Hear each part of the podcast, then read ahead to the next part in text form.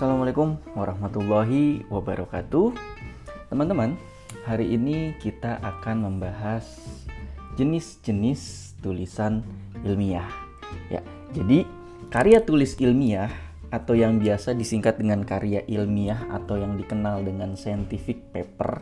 Ini kan adalah lap, tulisan atau laporan tertulis ya yang memaparkan hasil penelitian atau pengkajian suatu masalah gitu ya. Nah, jadi pengkajian atau penelitian suatu masalah ini biasa dilakukan oleh seseorang atau sebuah tim. Jadi bisa perorangan, bisa kelompok gitu ya. Namun eh, tulisan ini harus memenuhi kaidah dan etika keilmuan yang dikukuhkan dan ditaati oleh masyarakat keilmuan. Jadi ada aturan-aturannya gitu. Nah, data, simpulan, dan informasi yang terkandung dalam karya tulis ilmiah ini, ini biasanya dijadikan acuan atau bahan referensi bagi ilmuwan lain dalam melaksanakan penelitian atau pengkajian selanjutnya. Gitu. Nah, karya tulis ilmiah ini juga sering sebagai uh, juga sering disebut sebagai tulisan akademis atau academic writing. Karena memang biasanya tulisan ini ditulis oleh kalangan kampus ya, kalangan perguruan tinggi gitu, baik dosen maupun mahasiswa. Nah, karya tulis ilmiah ini berfungsi sebagai sarana untuk mengembangkan ilmu pengetahuan dan teknologi baik berupa penjelasan ya, eksplanasi atau prediksi juga sebagai pengawasan atau kontrol. Nah, apa sih ciri-cirinya sehingga dia dimasukkan ke dalam jenis tulisan ilmiah itu? Jadi yang pertama dia itu lugas. Lugas itu artinya tidak emosional ya, bermakna tunggal. Jadi tidak menimbulkan interpretasi lain gitu Kemudian dia juga harus logis ya disusun berdasarkan urutan-urutan yang konsisten. Ini ini pernah kita bahas sebelumnya kemudian juga efektif ya ringkas dan padat ya dibahasnya. Kemudian efisien yaitu hanya mempergunakan kata atau kalimat yang penting dan mudah dipahami. Gitu. Kemudian dia objektif ya. Objektif ini didasari atas fakta. Jadi setiap informasi dalam tulisan ilmiah ini selalu apa adanya ya. Jadi menyatakan yang sebenarnya dan konkret gitu. Jadi nggak mengada-ngada. Jadi semua makanya harus ada dasar teori maupun dasar uh, fakta penelitian maupun fakta di lapangan seperti itu. Kemudian dia juga harus ditulis secara sistematis ya. Jadi sistematis ini penulisannya itu ada prosedurnya jadi uh, makanya sebelum-sebelumnya itu kita selalu bahas tentang kerangkanya, tentang uh, sistematikanya ya karena memang karya tulis ilmiah ini sistematis itu harus ada. Bukan hanya dalam tahap penulisannya, tapi dalam tahap pemikirannya pun itu harus dikerjakan secara sistematis. Makanya mungkin kalau disadari kemarin-kemarin kita mulai dengan cara uh, berpikir kita yang dibenahi gitu ya yang dimulai dari fenomena dulu gitu ya baru kemudian kita rumuskan masalahnya baru kemudian kita buat judulnya.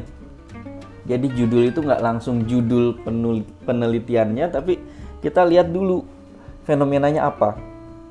Nah setelah pemikirannya dirapihin kemarin baru kita mulai masuk ke sistematika penulisannya. Jadi penulisannya juga harus rapi harus ada sistematikanya dan juga konvensinya seperti apa kesepakatannya bagaimana gitu karena masing-masing jenis tulisan ini memiliki aturannya sendiri.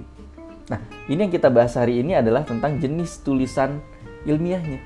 Apa aja? Sebenarnya banyak ya.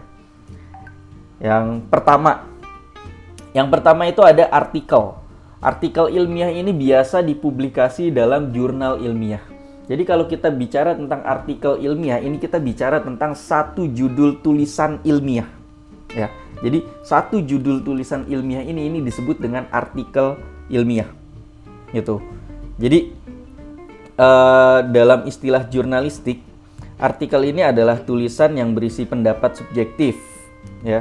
Jadi si penulis memiliki pendapat yang subjektif tentang suatu masalah atau peristiwa seperti itu. Makanya kalau dalam eh, jurnalistik ini artikel ini kan bisa masuk artikel berita gitu. Jadi ada satu topik atau satu masalah yang dibicarakan. Nah, kaitannya dengan konteks ilmiah ini, artikel ini adalah sebuah karya tulis ya yang dirancang atau dimuat dalam jurnal atau buku kumpulan artikel yang ditulis dengan tata cara ilmiah gitu. Jadi karena dia ada hawa-hawa ilmiahnya, makanya dia disebut dengan artikel ilmiah. Makanya dia juga harus mengikuti pedoman ya atau konvensi ilmiah yang telah disepakati sebelumnya. Jadi kayak e, mau terbit di jurnal ilmiah A, ya itu harus ngikutin aturan dari e, aturan ilmiah di, di jurnal A itu gitu loh. Konvensi di jurnal A itu bagaimana? Itu itu harus diikuti. Karena artikel ilmiah ini ini ya memang harus diangkat dari hasil penelitian dari hasil pemikiran atau dari kajian pustaka dan hasil pengembangan proyek misalnya ya. Jadi uh, artikel ilmiah ini ya jadi ini satu judul satu judul ilmiah. Jadi dia dikumpulkan dalam satu buku ibaratnya kayak majalahnya gitu jadi kan kalau majalah itu kan ngumpulin berbagai macam judul tulisan kan. Nah ini artikel ilmiah itu kayak gitu. Jadi kalau kalian cari di Google Scholar gitu ya misalnya ngetik apa yang muncul satu judul itu itu disebutnya artikel artikel ilmiah. Tapi kalau kalian masuk ke uh, jurnalnya nah itu nama jurnalnya nanti akan beda-beda. Kayak kemarin uh, mungkin saya pernah ngarahin ya ke sebuah jurnal gitu ya ada nama jurnal apalah jurnal ilmiah pendidikan jurnal ilmiah kesehatan, jurnal ilmiah ekonomi, jurnal pendidikan ekonomi. Nah, itu itu nama jurnalnya, tapi di dalamnya itu nanti akan banyak penelitian yang berkaitan dengan nama jurnal itu. Misalnya jurnal ilmu pendidikan biasanya akan banyak membahas artikel-artikel ya di dalamnya ada artikel-artikel tentang uh, artikel ilmiah ya pendidikan kayak gitu. Biasanya dia satu satu tema gitu. Nah, jadi artikel ini ya uh, adalah satu judul karya tulis ilmiah yang biasanya terkumpul dalam jurnal ilmiah. Nah, apa aja sih sistematika artikel ini? Dia biasanya dimulai dengan judul. Jadi, eh, diawali dengan judul dia tuh. Nah, judul setelah judul nanti akan ada nama penulis. Setelah ada nama penulis nanti akan ada abstrak. Ya. Setelah abstrak itu ada kata kunci. Kata kunci ini kayak uh, apa ya ya semacam hashtag lah kalau di Instagram itu. Jadi kalau uh, dalam pencarian itu kan tetap ya kayak ya kayak hashtag benar-benar mirip hashtag gitu, tapi kita sebutnya itu dalam penulisan ilmiah ini kata kunci atau keyword. Ya jadi uh, penelitian kamu ini kira-kira kata kuncinya apa nih? Sama kayak kamu kan nulis caption gitu kan, uh, apa misalnya menunggu lama yang sudah dinanti begitu datang ternyata dia kembali pergi. Hashtag pemuda senja gitu kenapa pemuda senja ini kan hashtagnya. Nah itu kalau dalam penulisan ilmiah tuh kayak itu keywordnya itu gitu loh. Misalnya kayak uh, penelitian ini tentang bla bla bla bla bla bla. Nah terus keywordnya misalnya uh, pendidikan di era digital. Misalnya kayak gitu. Nah jadi itu kata kunci ya dalam penelitian. Nah, kemudian setelah ada judul, nama penulis, abstrak, kata kunci, kemudian pendahuluan. Setelah pendahuluan biasanya juga ada uh, kerangka teori, kemudian pembahasan, penutup, daftar pustaka. Udah. Jadi poin-poinnya cuma itu. Dan dia itu nggak nggak kayak makalah yang setelah misalnya kamu nulis uh, pendahuluan, terus enter lembar baru lagi. Enggak. Kalau dalam artikel ilmiah dia nyambung terus. Jadi uh, gimana ya ketika selesai pendahuluan judul baru misalnya pembahasan atau kerangka teori itu di bawahnya di bawah tulisan itu. Paling ya di jeda satu atau dua enter aja kayak gitu.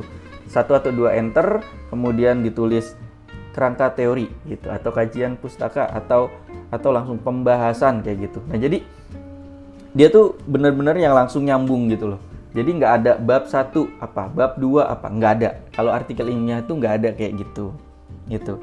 Nah, karena artikel ilmiah ini memang eh, biasanya dia sudah khusus untuk publish ya, publikasi. Artinya kalau publikasi itu kan udah siap baca, udah siap dibaca oleh orang. Kalau udah siap dibaca oleh orang tuh kalau bisa ya seringkas mungkin gitu dan senyaman mungkin, seenak mungkin gitu. Makanya eh, dalam penampilannya dia nggak yang ribet riuh gimana gimana yang penting udah jelas ini judulnya apa siapa nama penulisnya ini uh, abstraknya apa abstrak itu kan kayak rangkuman gitu ya rangkumannya kayak gimana uh, kemudian pendahuluannya apa pembahasannya apa penutupnya apa kayak gitu. Dan pustakanya apa aja daftar pustakanya apa aja. Nah itu langsung kayak yang uh, nggak ada jeda gitu. Makanya uh, dalam artikel ilmiah ini biasanya dia nggak banyak. Jadi kalau skripsi kamu misalnya 100 halaman, tapi ketika dikonversi, ya nanti kita akan bahas tentang konversi, ketika diubah menjadi artikel, ini paling cuma 10 sampai 15 halaman. Nah itu gimana caranya tuh? Pokoknya halamannya kayak gitu, cuma 10 sampai 15, karena dia nyambung terus gitu kan. Dan spasinya juga cuma satu, kayak gitu. Ini tergantung nanti konvensi si jurnalnya tuh kayak gimana. Nah kayak gitu. Nah, itu artikel. Nah, berikutnya ada yang namanya makalah. Nah, ini yang makalah ini yang biasanya kita buat ya sebagai tugas di perkuliahan. Kayak gitu. Jadi si makalah ini biasanya ya karya tulis ilmiah juga, dia menyajikan suatu masalah yang pembahasannya itu berdasarkan data di lapangan yang bersifat empiris dan objektif. Jadi uh, biasanya datanya udah ada kayak gitu. Nah, makalah ini biasanya disajikan di dalam sebuah seminar atau dipresentasikan di kelas ya sebagai tugas perkuliahan atau makalah ini juga bisa diartikan sebagai karya ilmiah mahasiswa gitu. Jadi uh, karyanya mahasiswa gitu ya mengenai suatu topik tertentu ya entah itu uh, materi di mata kuliah atau mata kuliah secara umum gitu ya. Jadi intinya dia membahas suatu topik yang tercangkup dalam ruang lingkup sebuah perkuliahan. Kayak gitu. Nah, ini juga bisa disebut sebagai makalah. Kayak gitu. Nah, jadi makalah mahasiswa ini umumnya merupakan salah satu syarat ya untuk menyelesaikan uh, ya perkuliahan itu. Makanya kayak mata kuliah penulisan ilmiah kalau mau lulus ya bikin makalah dulu gitu atau uh, ilmu sosial dan budaya dasar gitu. Kalau mau lulus bikin makalah dulu gitu. Nah jadi biasanya seperti itu. Jadi uh, makalah ini ya seperti halnya karya ilmiah yang lainnya ya bisa berupa dari hasil kajian pustaka ataupun perkuliahan lapangan KKN atau PKL itu dibuat jadi makalah. Itu bisa seperti itu. Ya jadi eh, makalah ini ya yang biasa dibuat mahasiswa aja kayak gitu. Di, sebagai laporan laporan pembelajaran atau laporan perkuliahannya kayak gitu. Intinya ada suatu masalah yang dibahas ya masalah atau topik tertentu yang ditulis tapi secara sistematis dan runut gitu. Makanya dia kan harus ada bab 1, bab 2, bab 3 gitu. Dan dia juga karena sifatnya tadi laporan ya, jadi ya bener-bener yang bahasanya itu kaku gitu loh bab 1, bab 2, bab 3 itu ada kayak gitu. Dan kadangkala ada beberapa pengulangan-pengulangan uh, isinya gitu ya kayak berdasarkan latar belakang di atas maka dapat disimpulkan rumusan masalahnya adalah berdasarkan rumusan masalah di atas maka makalah ini bertujuan untuk kayak gitu. Jadi kayak nyambung menyambung gitu tulisannya kayak gitu. Karena tetap uh, analisisnya ini kan harus objektif ya dan logis. Jadi nggak boleh yang asal-asalan gitu. Intinya ya biasanya memang makalah itu dibuat sebagai tugas terstruktur yang diberikan oleh dosen gitu ya. Atau ya kalau emang kamu rajin bisa aja ditulis atas inisiatif sendiri itu untuk disajikan dalam forum ilmiah. Kalau kayak misalnya uh, bikin seminar gitu kan. Kadang ada tuh seminar mahasiswa gitu ya. Ya kamu buat makalahnya untuk disajikan di situ kayak gitu nah biasanya sistematika makalah itu ya cuma tiga bab itu bab satu pendahuluan, bab 2 pembahasan, dan bab 3 penutup. Just it, gitu loh. Hanya itu aja. Gitu. Pembahasan berisi latar belakang, perumusan masalah dan tujuan, uh, pendahuluan itu ya. Kemudian di pembahasan biasanya membahas uh, teori dan masalah yang dibicarakan. Kayak gitu. Kemudian penutupnya adalah kesimpulan dan saran. Kayak gitu. Itu ya. Jadi isinya cukup itu aja. Selain makalah ada juga yang namanya kertas kerja ya. Jadi kertas kerja atau work paper ini juga eh, sama ya, termasuk karya tulis ilmiah. Jadi work paper ini atau kertas kertas kerja ini pada prinsipnya sama kayak makalah.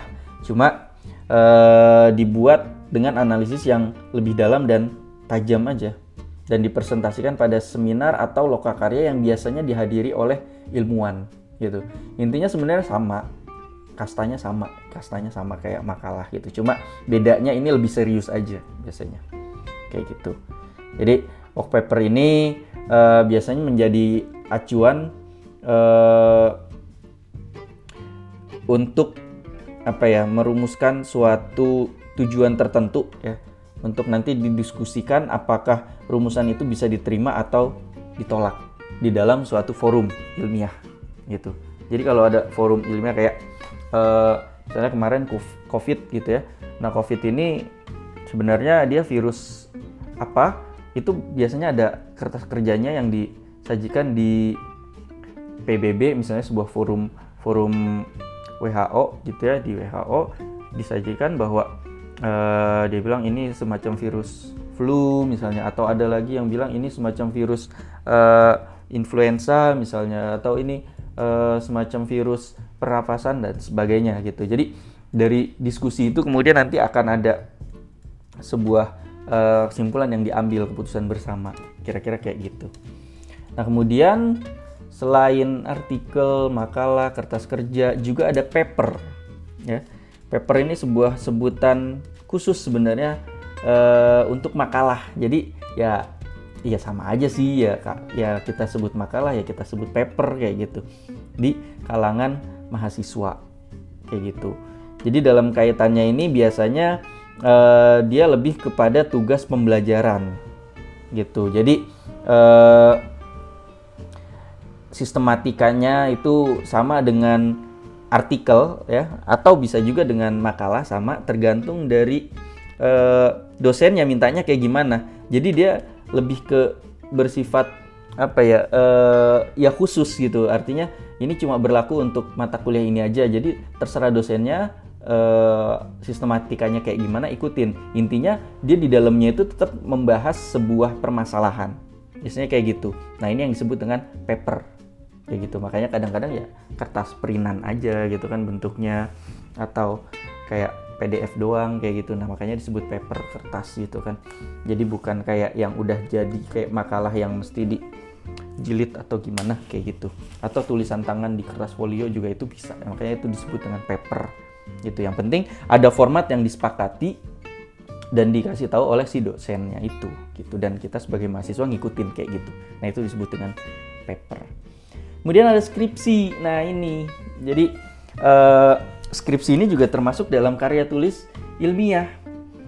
Karya tulis ilmiah untuk apa? Untuk menyelesaikan jenjang studi sarjana S1 biasanya. Nah, skripsi ini berisi tulisan sistematis yang mengemukakan pendapat penulis berdasarkan teori orang lain. Nah, jadi uh, memang dalam ranahnya skripsi ini kita hanya berpaku pada teori ya. Jadi kita entah itu membuktikan teori atau e, membandingkan teori kayak gitu. Jadi mengkaji teori. Jadi teorinya harus udah ada dulu kayak gitu. Teorinya harus udah ada baru kemudian dibahas. Itu untuk e, ranah skripsi. Jadi pendapat yang diajukan itu ya pendapat kamu itu harus didukung oleh data dan fakta baik secara empiris maupun objektif gitu. Ya baik secara hasil penelitian maupun secara hasil teoritik kayak gitu. Baik berdasarkan penelitian langsung ya observasi di lapangan atau percobaan di laboratorium gitu. Laboratorium ini kan luas yang nggak harus yang kata yang kayak ada gelas uh, kimianya dan segala macam. Kadang kelas kelas ini bisa kita bilang sebagai laboratorium juga. Kelas kontrol kelas uh, apa namanya ya ya ketika kamu mengawasi kelas itu itu masuk ke dalam laboratorium kamu juga gitu kan. Nah juga uh, diperlukan sumbangan material berupa temuan baru dalam segi tata kerja teori-teori atau hukum tertentu tentang salah satu aspek atau lebih di bidang uh, yang kamu teliti gitu. Makanya skripsi ini kan harus fokus-fokus banget gitu loh. Nggak yang pendidikan pendidikan umum enggak tapi kalau kayak kamu misalnya uh, kuliah di prodi pendidikan ekonomi ya harus fokus di pendidikan yang berkaitan dengan pendidikan ekonomi kayak gitu. Atau uh, yang kuliah di bisnis itu harus yang fokus bisnisnya itu apa? Apakah pemasarannya apakah administrasinya atau uh, manajemennya atau apanya itu harus benar-benar spesifik gitu loh. Jadi uh, pembahasannya itu kalau bisa jangan general. Nah, kira-kira seperti itu. Jadi, spesialisasi dalam pembahasan skripsi itu sebenarnya harusnya harus jelas banget gitu. Supaya ketika kamu lulus S1 jelas gitu spesialisasi kamu apa kayak gitu. Misalnya saya, saya di linguistik. Linguistik itu kan ilmu bahasa. Ilmu bahasa itu banyak ya. Bisa secara mikro atau makro juga sama kayak ilmu-ilmu uh, lain gitu ya. Mikro itu kan artinya membahas ilmu itu sendiri gitu ya, di dalam ilmu sendiri.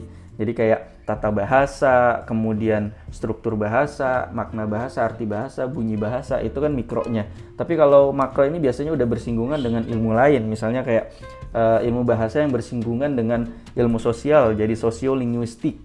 Ya ini membahas tentang bagaimana uh, bahasa berada dalam suatu kehidupan bermasyarakat kayak gitu. Atau juga bahasa yang digunakan dalam budaya kehidupan budaya masyarakat jadi dalam antropologinya. Nah antropologi dengan linguistik bergabung menjadi antropolinguistik gitu. Nah kemarin kebetulan saya itu ngambil bagaimana hubungan antara psikologi seseorang ya bagaimana seseorang itu memikirkan e, bahasa dan kemudian mengeluarkan bahasa itu ya dalam psikologinya uh, dan hubungannya dengan bahasa linguistik. Jadi uh, kalau kemarin itu saya ngambilnya psikolinguistik jadinya. Psikolinguistik ini adalah bagaimana kita melihat struktur luarnya yang dinyatakan dalam tulisan, itu kan struktur luar. Kemudian diperhatikan lagi bagaimana struktur luar ini muncul dari struktur dalam, struktur dalam pikiran. Jadi apa sih yang melandasi pikiran uh, orang tersebut sampai memunculkan kata-kata itu kira-kira seperti itu gitu loh. Jadi uh, kemampuan dia dalam berpikir dan mencerna bahasa diwujudkan dalam bahasa itu sendiri kan kayak gitu. Jadi kita bisa menilai orang dari bahasanya dia gitu. Makanya saya juga bisa kayak kayak apa ya uh, ini orang bahasanya kayak gini pasti karakternya kayak gini jadi kalau hasil copy paste tuh jelas banget beda gitu loh. Karena setiap orang punya e, semacam kode unik bahasa yang diciptakan. Makanya kalau yang belajar sama saya kemudian dia merasa aman dengan copy paste itu salah besar. Saya akan bisa melihat bahwa oh ini karakteristiknya dia copy paste Ini ini dia banget gitu. Nah ini ini saya seneng yang kayak gini walaupun dia cuma ngasih sedikit tapi tercipta oh ini dia banget. Nah itu akan saya nilai dengan besar biasanya nilainya full tuh kayak gitu tuh. Nah, itu tadi skripsi. Kemudian tesis. Tesis ini ya sama kayak skripsi gitu, cuma bedanya ini untuk mahasiswa S2 ya pasca sarjana. Jadi uh, sifatnya itu dia lebih dalam lagi dari skripsi. Kalau skripsi tadi cuma mengulas teori yang ada, kalau tesis ini mulai mengungkapkan pengetahuan baru ya yang diperoleh dari penelitian sendiri. Jadi ada temuan baru apa nih dari uh, yang kamu tulis. Bisa aja tesis kamu ini adalah pengembangan dari skripsi kamu. Kayak gitu. Jadi kalau tadinya cuma membuktikan teori doang, sekarang mulai menguak bahwa ternyata teori ini sudah mulai nggak relevan dan muncul kecenderungan sekarang seperti ini. Ada karakteristik baru dari teori tersebut. Misalnya seperti itu. Kayak gitu. Jadi ada ada novelty, ada hal baru yang bisa diungkap. Kemudian ada disertasi. Disertasi ini ya sama juga kayak skripsi dan tesis, cuma ini untuk yang S3 untuk mengejar gelar doktor ya. Kalau tesis untuk eh kalau skripsi untuk sarjana, kalau tesis untuk magister, disertasi ini untuk doktor. Nah, jadi uh, kalau disertasi ini lebih ke apa ya uh, mengemukakan suatu dalil ya teori gitu ya, yang dapat dibuktikan oleh penulis itu sendiri gitu berdasarkan data dan fakta yang sudah valid gitu dengan analisis yang rinci banget gitu. Jadi disertasi ini berisi suatu temuan, temuan ilmiah gitu ya. Yang e, temuannya ini udah original banget kayak gitu. Jadi kalau kamu menemukan sebuah model, menemukan sebuah produk alat yang bisa digunakan atau bisa dikontribusikan ke dunia e,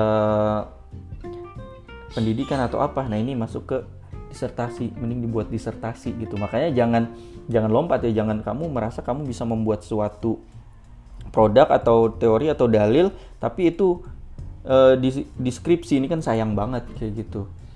Makanya e, semua ada tahapannya kayak gitu. Untuk skripsi ini cuma membuktikan aja atau mengkaji aja. Udah mengulas aja udah kayak gitu. Di tesis menemukan temuan baru di disertasi itu membuat model atau produk atau teori baru kira-kira seperti itu nah dari semua itu kadang-kadang ada juga karya tulis ilmiah yang disajikan dalam media populer. Media media populer itu kan media yang bisa dinikmati oleh semua orang gitu ya. Karena tadi ya sempat kita bahas bahwa karya tulis ilmiah ini sebenarnya adalah akademik paper ya, akademik paper atau tulisan akademik, akademik writing.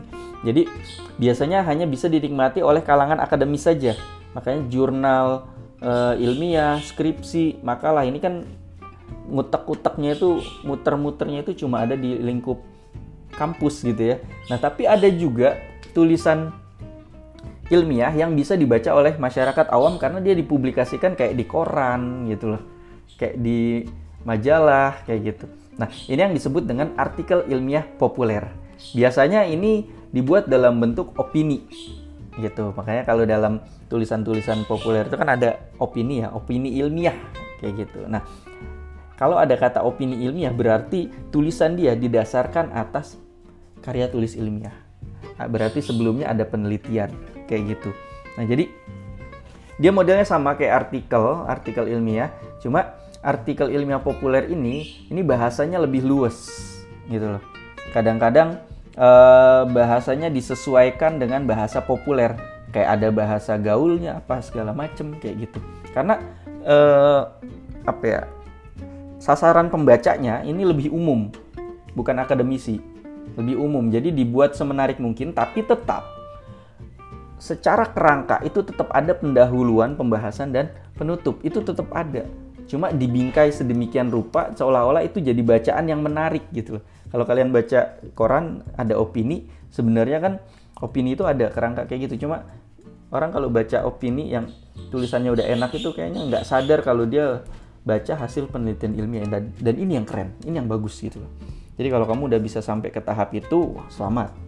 Berarti kalian udah bisa membuat artikel ilmiah populer itu bisa udah bisa meracik eh, apa ya kamu udah dapat esensi dari karya tulis ilmiah itu sebenarnya apa ibaratnya kamu udah dapat udah tahu eh, ya kalau kemarin saya anggap itu bolu gitu ya. Kamu udah punya, udah bisa bikin bolu. Nah sekarang tinggal bagaimana kamu menyajikan bolu itu. Apakah di, eh, dikasih bolu itu gitu aja gitu ya? Ya jadi ya ini yang akhirnya dalam bentuk makalah, skripsi, tesis disertasi ya bolu gitu aja gitu ya. Atau kamu mau buat ini menjadi eh, kayak kemarin saya bilang Black Forest ya di intinya kayak kuetar gitu kan. Ini ini ini jadi kayak artikel ilmiah gitu loh. Jadi udah mulai dihias-hias gitu untuk dinikmati enak gitu loh. Ada manis-manisnya dan segala macam enak dilihat kayak gitu.